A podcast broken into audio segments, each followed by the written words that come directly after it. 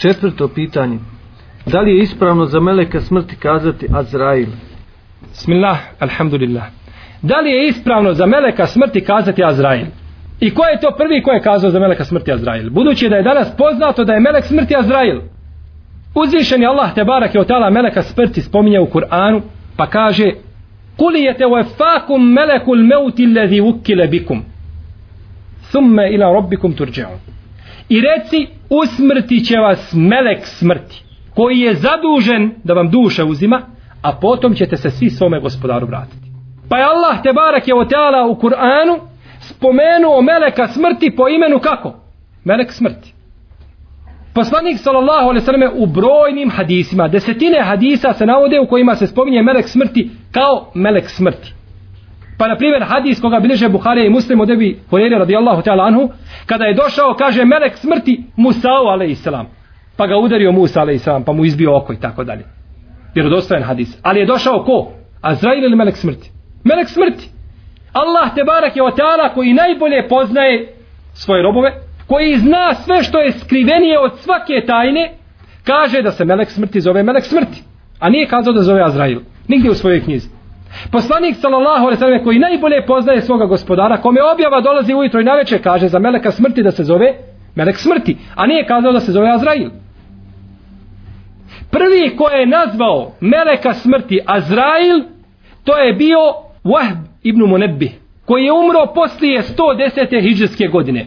A ovu predaju bilježi Ebu Šejh u svome dijelu El Alvame. Na 157. strani broj predaje 441. Zabilježio je od njega da je on prvi koji je nazvao i koji je nazvao Meleka smrti Azrail.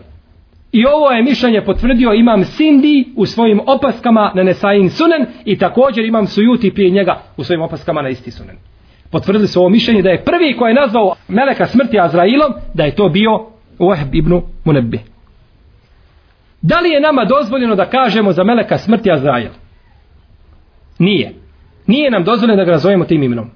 Zato što ga je Allah te barek tala nazvao jednim imenom, Melekom smrti, pa bi bilo onda da mi mijenjamo ono što je Allah žanu objavio i nazvao ga Melekom smrti. Mijenjali bi znači ono što je Allah žanu htio i druga stvar to je govor o gajbu.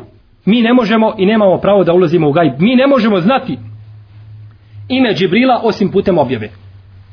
Ne možemo znati imen jednog drugog meleka osim putem objave. Gajb ne možemo znati osim putem objave. Zato kažemo da je poslanik sallallahu sallame veza i posrednik između nas i Allaha Đelešanu u smislu da nam objasni šta Allah voli, šta Allah ne voli, šta Allah traži, šta Allah ne traži. E tu je poslanik sallallahu sallam posrednik. Jer mi ne možemo znati kakav je akšam namaz bez poslanika sallallahu alaihi selleme. Ne možemo znati kako hađ obaviti bez poslanika sallallahu alaihi selleme. Ali se možemo Allahu obrati i dići mu ruke bez poslanika sallallahu alaihi sallam. Da ne bi to učili poslanika alaihi sallam posrednikom između nas i Allaha te barak je teala, već činimo ga, znači samo posrednikom u smislu da uzimamo od njega ono što je Allah Žešano objavio i ono što Allah te barak je teala traži od nas. Našao sam u knjigama šeha Albanija u njegovim opaskama na jedno dijelo kaže da je ovaj naziv od Israilijata. Da je nasljeđen od židova i kršćana iz njihovih knjiga.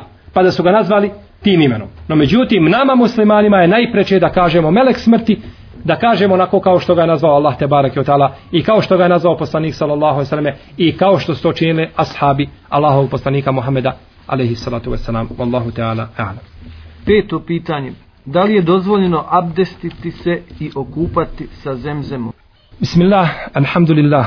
Mišljenje većine islamskih pravnika od fakiha i drugih muhaddisa jeste da je dozvoljeno čovjeku da uzme abdest i da se okupa sa zemzemom. Osim jednog rivajeta, jedne predaje koju spominje Ibn Kudame u svome dijelu El Mugni u prvom tomu na 47. stranici, kaže da je ima Mahmed po jednoj verziji smatrao da je to mekruh. Da je smatrao da je to mekruh. Došlo je u vjerodostojnoj predaji koju bilježi ima Mahmed u svome musnedu od Alije radijallahu ta'ala anhu da je poslanik sallallahu alaihi wasallame na oprosnom hađu zatražio jednu posudu sa vodom, vodom zemzemom, pa je napio se i uzeo abdest. Pa je napio se te vode i uzeo abdest. To je vjerodostojna predaja od poslanika sallallahu alaihi da se abdestio sa zemzemom. Zato šehol Islam ibn Temije u svojim fetvama u 12. tomu na 600. strani Kaže da je mekruh da se čovjek kupa sa zemzemom, ali je dozvoljeno čovjeku da uzme abdest. Pa je učinio znači kupanje mekruhom. No međutim, mišljenje većine islamskih učenjaka jeste da je dozvoljeno čovjeku da se okupa i da uzme abdest sa zemzemom. Veći spor od ovoga vodi se da li je dozvoljeno čovjeku da se očisti i posle velike ili male nužde sa zemzemom. Tu se veći spor vodi među islamskim pravnicima. I po tom pitanju imamo tri mišljenja kod fakiha. Prvo mišljenje je da je to zabranjeno, da je to haram. Zato što je voda zemzem hrana. Zato što je voda zemzem hrana. Bileže ima muslim u svome sahihu jednu jako lijepu i čudnu predaju. Od Ebu Zara radijallahu ta'ala kada je došao u Meku da primi islam. Kaže, ostao sam u haremu mekanskom 30 dana. Nisam imao hrane. Nisam ništa imao jesti, nego sam, kaže, samo pio zemzem vodu. 30 dana pio zemzem vodu. Kada je upitao poslanik sallallahu alejhi ve selleme šta si jeo u to vrijeme, kaže Allahu poslanice tako mi Allaha, ništa nije ušlo u moje grlo 30 dana osim vode zemzem. I kaže toliko sam se udeblju od vode zemzem, kaže da se na mome tijelu poredali oni slojevi sala. Što mi kažemo volani što se oko čovjeka, jeli? Slojevi se, kaže, sala naredali oko mene, nikad, kaže, nisam tako bio debel. Od vode zemzem, samo pijući vodu zemzem. Zato što je voda zemzem hrana. Kada je to čuo poslanik sallallahu alejhi ve sellem rekao je inneha mubarake. Kaže to je voda mubarek. To je blagoslovljena voda i ona je kaže hrana za onoga koje pije. U jednoj predaji stoji kod Ibnu Mađe koja je vjerodostojna ma u zemzem lime šuribele. Ma u zemzem lima šuribele. Voda zemzem je za ono za što se pije. Za šta je god piješ, ona je za to. Šta god da nijetiš dok je piješ, ona je za tu stvar.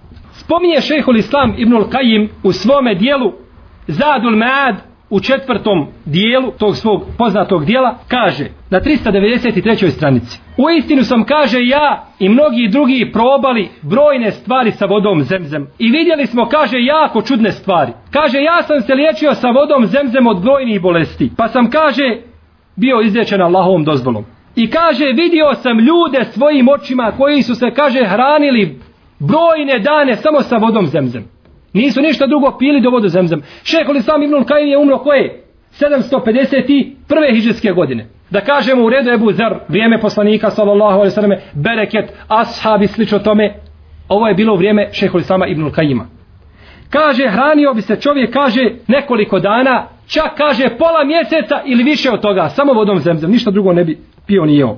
I kaže, ne bi bio gladan, nikada ne bi osjećao glad, Kaže, sa drugim bi ljudima tavafio, kao što tavafe. Možete misliti kako je tavafiti za vrijeme hadski obreda u Ramazanu i tako dalje. Da je to jako naporna stvar. A kaže, on bi tavafio kao što drugi ljudi tavafe, bez ikakvih problema. I kaže, pričao mi je, kaže, jedan od njih da je jedne prilike, kaže, bio 40 dana da je živio samo vodi zemzem. 40 dana. I kaže, imao sam dovoljno snage, kaže, da imam odnos sa svojom ženom i kaže, da tavafim i da postim i da klanjam i nikad, kaže, glad nisam osjećao. To nam svjedoči šehol Islam ibnul Kajim u svome dijelu Zadul Mead. U nekim svojim dijelima šehol Islam ibnul Kajim kaže, jedne sam, kaže, prilike bio na hađu pa sam izgubio svoje dijete. Sina sam svoga izgubio maloga. Pa ga kaže nisam mogao naći. Sve sam prevrnuo, tražio ga, nisam ga mogao naći. I bio sam, kaže, skoro izgubio nadu da ću ga naći. Kaže, pa sam uzeo vodu zemzem, kaže, počeo piti, kaže, i dovio Allah Žešanu da ga nađem. Kaže, nisam ni spustio, kaže, čas, čašu iz koje sam pio, kaže, a moje djete, kaže, bilo ispred mene. Ovo samo potvrđuje, ove praktične stvari potvrđuju značenje hadisa poslanika sallallahu sallame, da je voda zemzem za ono za što se, za što se pije. To je prvo, dakle, mišljenje. Da je voda zemzem, da nije dozvoljeno vodom zemzem da se čovjek čisti nakon velike i male nužde. Drugo mišljenje je da je mekruh, I treće mišljenje da je to suprotno prečem. Hilaful eula, tako se kaže u fiku, da je to suprotno prečem i boljem. Znači da je bolje da se to ne čini. Također od stvari o kojima raspravljaju fakihi u svojim knjigama jeste to da li je dozvoljeno mrtvaca kupati zemzem vodom. Pogledajte subhanala kako su islamski učenjaci nisu ostali ni jednog detalja, a da nisu o njemu raspravljali i o njemu govorili da bi nama našu vjeru pojasnili. I ovo nam, braćo, djeluje kao čovjek koji dođe, posije i zasije, zasadi jedan veliki vrt, niknu, izrastu veliki plodovi koji sazriju, onda samo kaže ljudi, bujru, muđite i jedite. I ljudi opet neće, ustručavaju se. Odbijaju to. Sve su nam donijeli, sve su nam servirali, samo mi treba da to uzmemo i da praktikujemo ništa više od toga. Vodi se veliki spor među islamskim učenjacima, jedni dozvoljavaju, jedni brane, no međutim našao sam u dijelu Ahbaru Mekke od imama El Fakihija, Muhameda ibn Isaka El Fakihija, koji je umro 272. godine. U drugom tomu, u ome svome dijelu spominje, kaže, zatekao sam stanovnike Mekke, a on je umro poslije 272. hiđarske godine, iako postoje brojna mišljenja i razileženja oko godine smrti ovoga islamskog učenjaka. Kaže, zatekao sam stanovnike Mekke u moje vrijeme, znači to je treće hiđarsko stoljeće, ono zlatno hiđarsko stoljeće, kada su prikupljeni hadisi. Kaže, zatekao sam stanovnike Mekke da su kupali mrtvace sa zemzemom i da bi to kupanje učinili zadnjim. Znači kad ga okupaju svega, onda bi ga još jedan put zadnje kupanje, ono polili ga sa zemzem vodom, da to bude kao teberluk, da to bude kao jeli, bereket tome mrtvacu. Znači to je preneseno od stanovnika Mekke da su to radili. Allahu Teala alem, wa sallallahu ala nebina Muhammedu, wa ala alihi wa sahabi ajma'in, wa jazakum Allahu khairil jazak. Dobro, mi imamo sanduče ko se stara za pitanja, imamo sanduče kod braće ovdje u trgovini. Pa ako budemo ovako odgovarali na pitanja, onda će nam sandučat biti prazna. No međutim, mi ćemo odgovoriti na ova pitanja koja je postavljena. Ovdje kaže sestra, da li je dozvoljeno ženi da nosi dvije naušnice na jednom uhu, s obzirom da je pokrivena? Da li je dozvoljeno ženi da nosi dvije naušnice na jednom uhu? Ako se ne smatra raspanjem imetka, onda jeste dozvoljeno.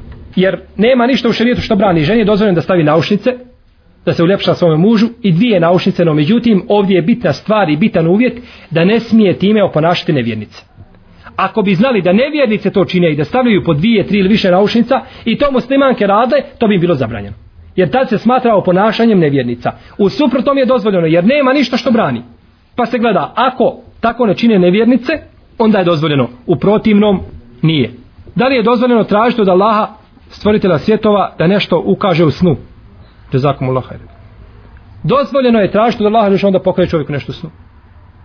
Da usnije čovjek, na primjer, poslanika, sallallahu alaihi sallam, ili neki san koji će mu dati radosnu vijest, dozvoljeno je. No, međutim, ne mora znaš da se Allah te barek talo odazvati.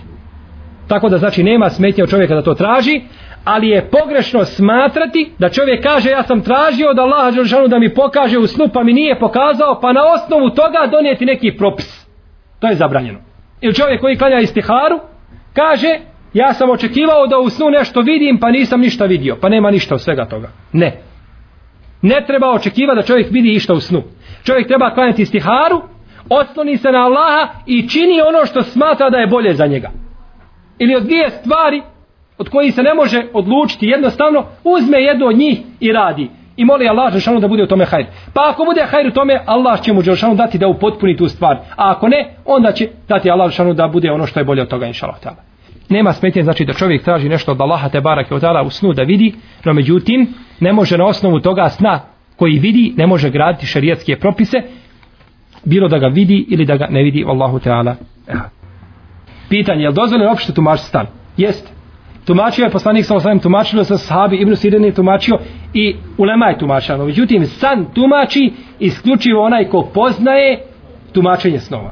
Tako da se ne bi ljudi, kao što kaže Imam Malik, igrali sa poslanstvom, pa svako tumači ovaj vidi ovo, ovaj vidi ovo, pa svakomu tumači kako hoće. Ne, tumače san samo ljudi koji su stručni za tumačenje snova, u protivnom nema tumačenja.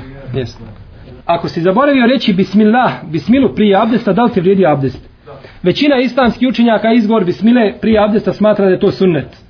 I hadis koga bilježe neki sabirači sunena, ima Mahmed i drugi, kome poslanik sallallahu alejhi ve selleme kaže nema namaza ko nema abdesta, nema abdesta ko ne spominje Allahovo ime, kažu da je slab. No međutim ispravno je da je taj hadis dobar.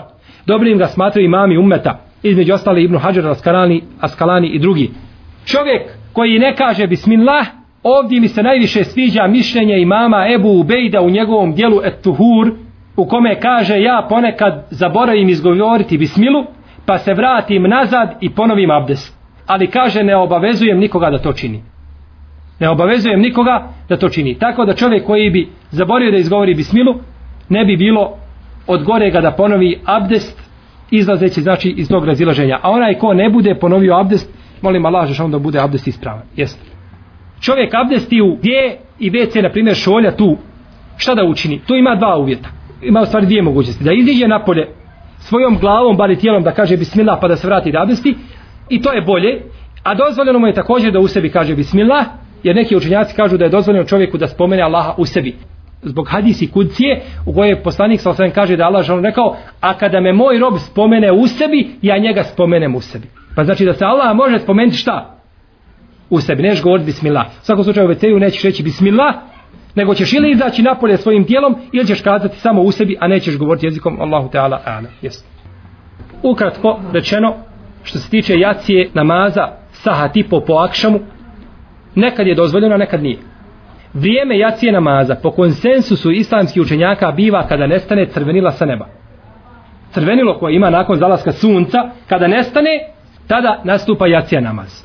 U redu. Da li se može jacija klanjati sahat tipo po akšamu? Gledamo je li nestalo crvenila. Pa ako je nestalo, može. Sahat vremena nestalo crvenila, može. Ako može, teoretski, možda praktično ne može.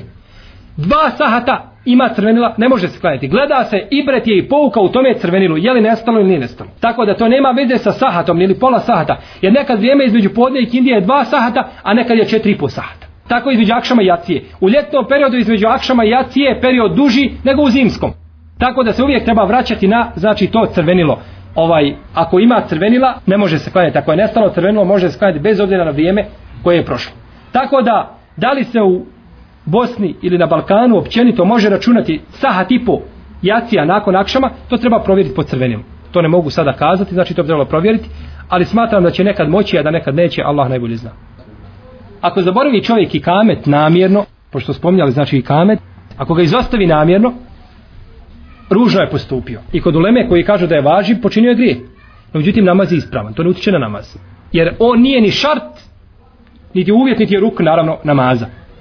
Ali ako čovjek zaboravi i završi namaz, i u namaz se sjeti, neće prekidati namaza, niti će činiti šta? Sehni se što. Neće. Nego završi namaz, namaz mu je ispravan kao da je proučio, ovaj, inša Allah da će Allah ono prosto ono što je čovjek zaboravio. Znači razlika je ako čovjek zaboravi, ako namjerno ostavi, ali oba slučaja namaz je ispravan, Allahu Teala, a'ala, jeste da li će čovjek ušte ezan, znači kada se nalazi sam na mjestu gdje bi mogao nekoga uznemiravati, da bi izazvao probleme sebi, tako gleda se. Ne mora čovjek uvijek ezan učiti povišenim tonom. Neka prouči ezan i tišim tonom može proučiti ezan, tako znači da ne bi izazvao sebi probleme, nesmetano. Međutim, čudno mi je da čovjek kada dođe na parkiralište, da klanja, da klanjanjem neće prouzrokovati probleme, a hoće ezanom. Pa vidi ga i kad klanja, oni ga vide. Ako zna da bi povišen glas mogao izazvati po njega negativnosti, neka uči ga tišim glasom. Ali u svakom slučaju neka prouči ezan. Jer poslanik sallallahu alaihi wasallam kaže wa idha hadarati salah fel yuezdin nekum ahadukum wali je jaumukum ekraukum. A kada dođe vrijeme namaza, neka vam neko od vas prouči i kamet, a neka vas predvodi u namazu onaj koji je najučeniji, koji je najbolji karija, znači. Tako da učenje ezana je pohvalno i ono je obavezno i poslanik sallallahu alejhi ve sellem kaže da će čovjeku svjedočiti sve na sudnjem danu što ga je čulo dok je učio ezan.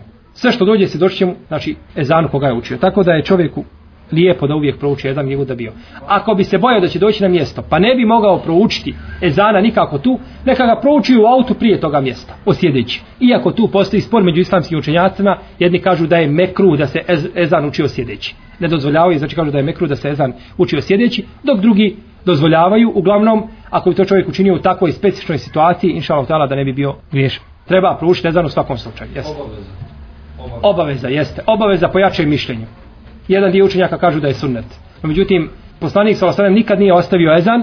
Buharinom sahiju se navodi hadis da bi došao Allahov vjerovjesnik, ale i salatu veselam, pred jedno mjesto, pred jedno naselje, na sabah i slušao ezan. Ako čuje ezan, okrenuo bi se na drugu stranu i otišao. A ako ne čuje, napao bi ih i ubijao. Ova predaj jasno ukazuje da je ezan obaveza. Jer na osnovu ezana poslanik sallallahu sallam je ubijao jedan narod ili je ostavljao ga na miru. Allahu Teala. Ahad bitno je da i kamet ne bude puno odvojen od namaza, jer je i kamet vezan, no međutim ti znaš da je poslanik sallallahu sallam na sabah učio ovaj, da se na sabah klanjao sabahski ovaj namaz, a da je bilo između nastupa namaskog vremena namaza, otprilike učenje možda neki 20 minuta ili pola sata. Jer ezan je u stvari da pozove ljude na šta na namaz pa ti proučiš ezan, pa čovjek ode kuć svoje, pa se abdesti, pa klanja sunnete, pa dođe u džamiju, znači ima jedan razlik. Tako da nema smetnje da čovjek prouči u prvom vremenu ezan, a da klanja nakon toga. Sunnet je da se čovjek okrene prema kibli dok uči ezan. Nije uslov valjanosti ezana, ali jeste sunnet da se okrene i ko bi se okrenuo od kible leđima, ružno bi postupio i time bi činio suprotno onome što je činio Allahov poslanik sa osanem, odnosno Bilal koga je Allahov poslanik alaih sallam poučio propisima ezana. Ispravno je da čovjek zato je ispravno ono što je Bilal radijallahu ta'ala činio da je izišao i stao bi kada bi učio ezan, stavio bi svoja dva kaži prsta u dva uha i učio bi ezan i kad dođe do riječi hayya ala salah hayya fala okrenuo bi samo svoj vrat ovako. Samo vrat okretao lijevo desno kako bilježi imam Nesai u svome sunenu. Pa nije ispravno čovjeku da uči ezan i da okreće tijelo, niti da okreće stopala. Čak ni gornji dio tijela, taj hadis je daif koji se navodi, slab. Ispravno je sam da čovjek okreće vrat lijevo, desno i da kaže hayya ale salah hayya fala. Kako će reći? Hayya ale salah u jednu stranu, pa u drugu hayya ale fala i da kaže hayya ale salah, hayya ale salah, hayal fala felah, ili će kazati hayal sala ale salah dva puta nije došlo precizirano kako god čovjek da učini ispravno je ali okreće samo vrat lijevo desno vallahu taala ale najbolje je da čovjek listove koje ima da ima jednu vreću posebnu ili mjesto gdje ostavlja kutiju gdje slažete listove gdje je spomenuto Allahu Đelešanu ime čak i na našem jeziku nije loše da se onda zapali. Nakon toga uzmeš sve se zapali. A na arapskom jeziku je haram da se to baca u smeće. Haram da se baca u smeće. Čak jedna ulema brani da se ikako takve stvari znači bacaju. Naročito recimo novine danas u arapskom svijetu se prepune da svakom liste spomene možda desetne puta Allahu Đelešanu ime pa se onda novine stave pa se na novinama jede pa se na novinama radi nešto pa se gazi po novinama i tako dalje koriste se novine kada se na primjer farba neka prostorija i o tome kada se kreći pa se hoda po tome to je sve zabranjeno to je sve haram. Neka ulema kaže da nikako nije dozvoljeno čovjeku da se očisti nakon nužde papirom na kome piše nešto od arapskih slova jedno arapsko slovo ne, iz poštovanja prema arapskom jeziku i prema Kur'anu Allahom te barak ta'ala. Da nije dozvan čovjeku nikako, znači to je poštivanje prema arapskom jeziku, pa je fino ako ima negdje Allahu Đušanu ime da se to spali, to je najbolje. Iako je velika razlika između arapskog jezika i našeg jezika. Jesu. Tumačenje snova od Ibnu Sirina, ja nisam znao da je prevedena, to mi je sad prvi haber, alhamdulillah, tebo je to ovaj, prije mi kazat. Tumačenje snova od Ibnu Sirina nije njegova knjiga, to je laž. To je izmišljeno na njega, ta knjiga pripada Ebu Sa'idu el-Wajevu, tako se zove islamski učenjak Ebu Sa'id al-Wajev i ona pripada njemu, ona ne pripada Ibnu Sirinu nikako. To je lažna Ibnu Sirina. Tako, dadne Hanumi da potpali peć sa njom. Hanuma potpali peć, to je najbolje. Zato što knjiga kojoj, koja je pripisana pogrešnom autoru, kako može biti ispravno? To ima ne može biti ispravno. Tu knjigu samo mogu koristiti isključivo islamski učenjaci, poredeći je sa drugim knjigama i tako dalje, no međutim da se uzme ta knjiga, jer je ta knjiga pripisana Ibnu Sirinu, a ne pripada njemu, nije potvrđena od njega. Tako da ne možemo to prihvatiti, jer se tu Ibnu Sirinu pripisuje brojne stvari koje on nije kazao. Jesu.